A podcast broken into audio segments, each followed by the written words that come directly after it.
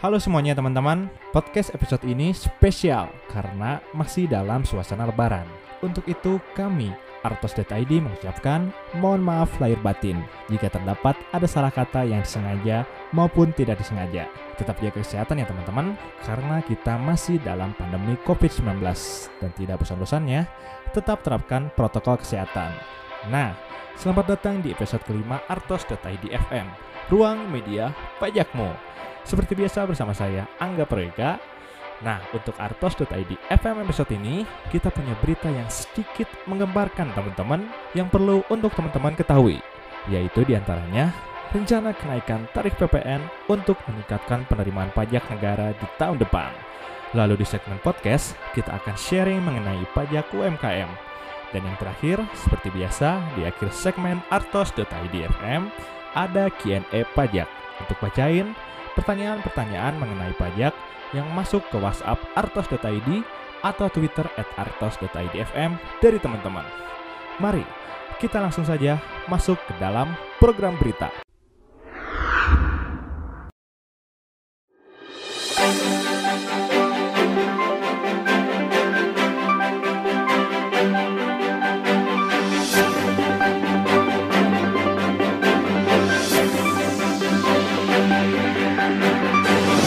Direktur Jenderal Pajak Kementerian Keuangan Suryo Tomo membenarkan adanya rencana kenaikan tarif pajak pertambahan nilai PPN.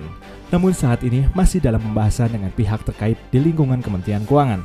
Langkah ini mengikuti beberapa negara lain yang sudah menggunakan PPN sebagai instrumen penerimaan perpajakan di saat pandemi COVID-19. Salah satunya Arab Saudi yang menaikkan PPN-nya dari 5% menjadi 15% di Juli 2020.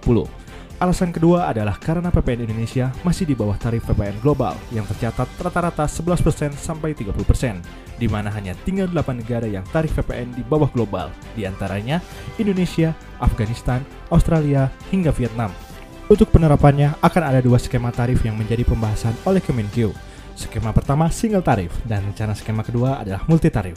Jika tidak ada kendala, maka kenaikan tarif PPN bisa mulai diterapkan pada tahun depan. Saat ini pembahasan terus dipercepat untuk menentukan tarif yang paling tepat.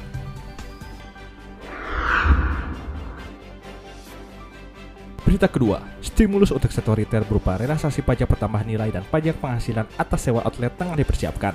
Nantinya kedua pajak ini akan ditanggung oleh pemerintah. Hal tersebut diungkapkan oleh Sekretaris Kementerian Koordinator Bidang Perekonomian Susi Wijono Mogiarso. Diharapkan dengan adanya stimulus untuk sektor retail tersebut bisa lebih mendorong perekonomian dalam negeri. Mengingat saat ini sektor retail merupakan salah satu sektor yang terdampak paling parah akibat pandemi COVID-19.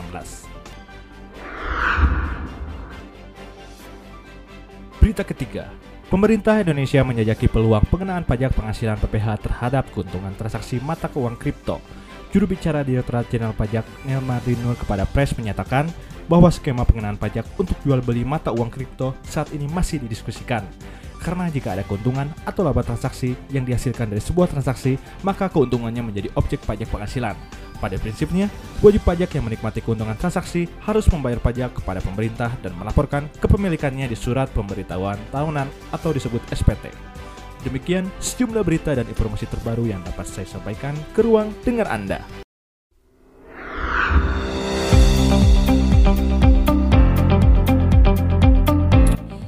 Nah, di sesi podcast kali ini kita akan membahas tentang pajak untuk UMKM. Nah, tapi sebenarnya kita harus tahu dulu apa definisi UMKM menurut pajak.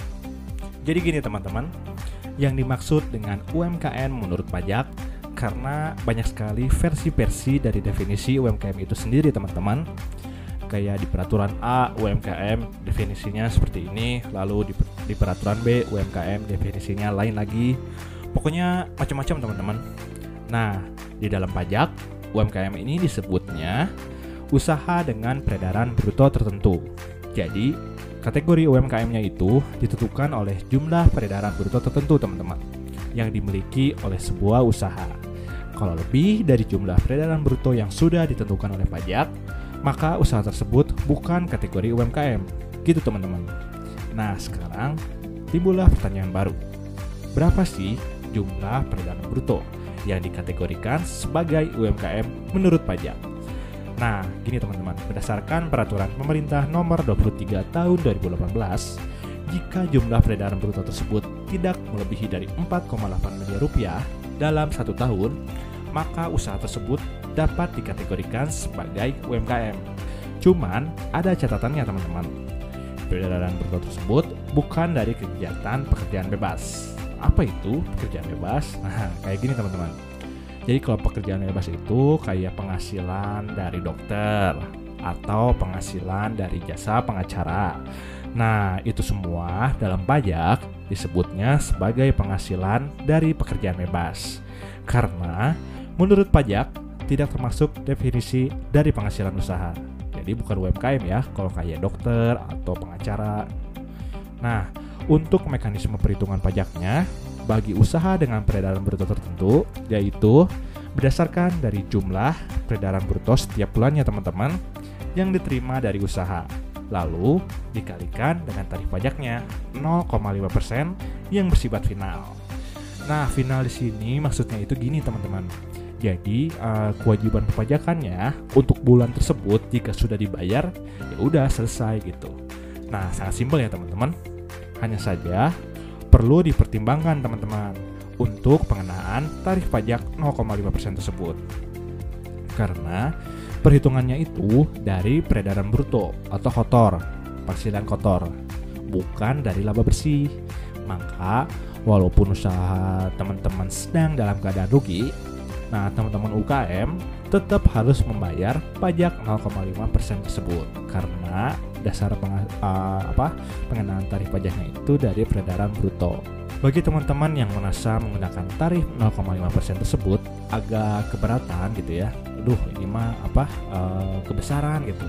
Nah, tenang saja teman-teman karena Direktorat Jenderal Pajak memberikan kewenangan bagi pengusaha UMKM untuk memilih perhitungan pajaknya dari laba bersih dengan menggunakan tarif pajak pasal 17 Undang-Undang PPH yaitu yang tarif pajaknya kalau orang pribadi itu dari 5% sampai 30% atau untuk badan 22%. Cuman teman-teman harus tahu jika sudah memilih menggunakan tarif tersebut atau tarif pasal 17 Undang-Undang PPH teman-teman itu nggak bisa balik lagi menggunakan tarif 0,5% final tadi itu teman-teman. Jadi uh, apa sekalinya udah berubah ya nggak bisa balik lagi gitu nah untuk pajak 0,5% tersebut uh, dapat dilunasi dengan cara di setor sendiri yang paling lama tanggal 15 bulan berikutnya lalu dengan teman-teman sudah menyetor pajak tersebut dianggap juga sama Direktorat Jenderal Pajak sudah memenuhi kewajiban melaporkan SPT masa.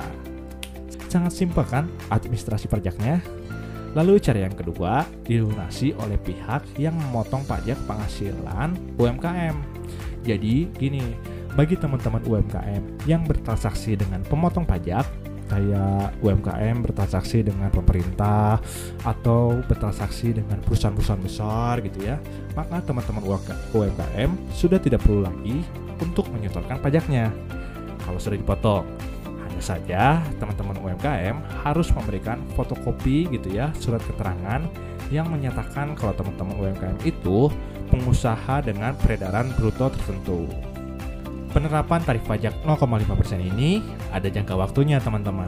Jadi nggak bisa selamanya memakai tarif tersebut untuk perhitungan pajaknya.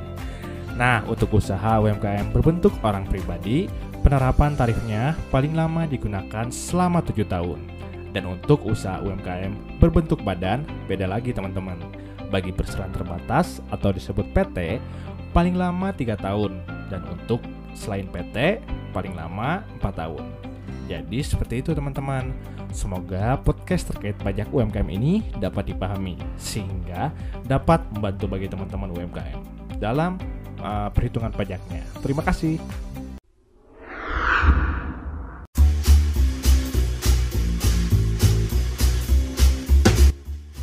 Nah, sekarang masuk ke sesi Q&A pajak.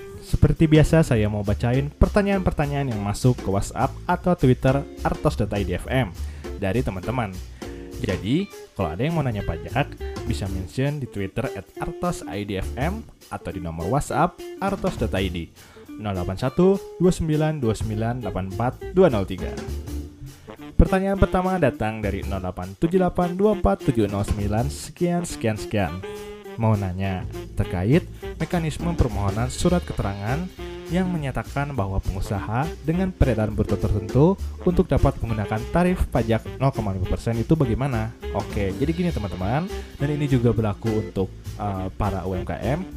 Surat keterangan ini diperuntukkan bagi teman-teman pengusaha dengan peredaran bruto tertentu yang bertransaksi dengan pihak pemotong pajak agar penghasilannya menggunakan tarif pajak 0,5%.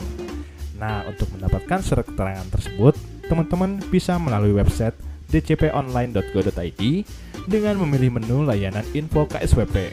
Lalu, pilih permohonannya surat keterangan TP23. Dan cara ini cuma salah satu dari sekian banyak cara untuk mendapatkan surat keterangan tersebut ya teman-teman. Nah, pertanyaan kedua. Syarat apa saja sih agar dapat mendapatkan surat keterangan yang menyatakan bahwa pengusaha dengan peredaran bruto tertentu untuk dapat menggunakan tarif pajak 0,5%? Nah, syaratnya itu cuma dua, teman-teman, simple, yaitu menyampaikan permohonan melalui DJP online atau uh, saluran lain yang ditentukan oleh DJP. Yang kedua, sudah menyampaikan SPT tahunan tahun pajak sebelumnya. Nah, cukup itu aja syaratnya. Simple kan, teman-teman? Jadi itu teman-teman semoga sesi Q&A episode ini bermanfaat baik untuk yang bertanya ataupun pendengar artos.idfm. Teman-teman juga bisa bertanya apa pun terkait pajak melalui WhatsApp artos.id 081292984203 atau mention di Twitter at artosidfm. Jadi nanti akan saya bacakan di sesi Q&A episode berikutnya. Jadi sekian Artos.idfm episode kelima ini. Tetap nantikan Artos.idfm episode selanjutnya di media podcast kesayangan kamu. Terima kasih.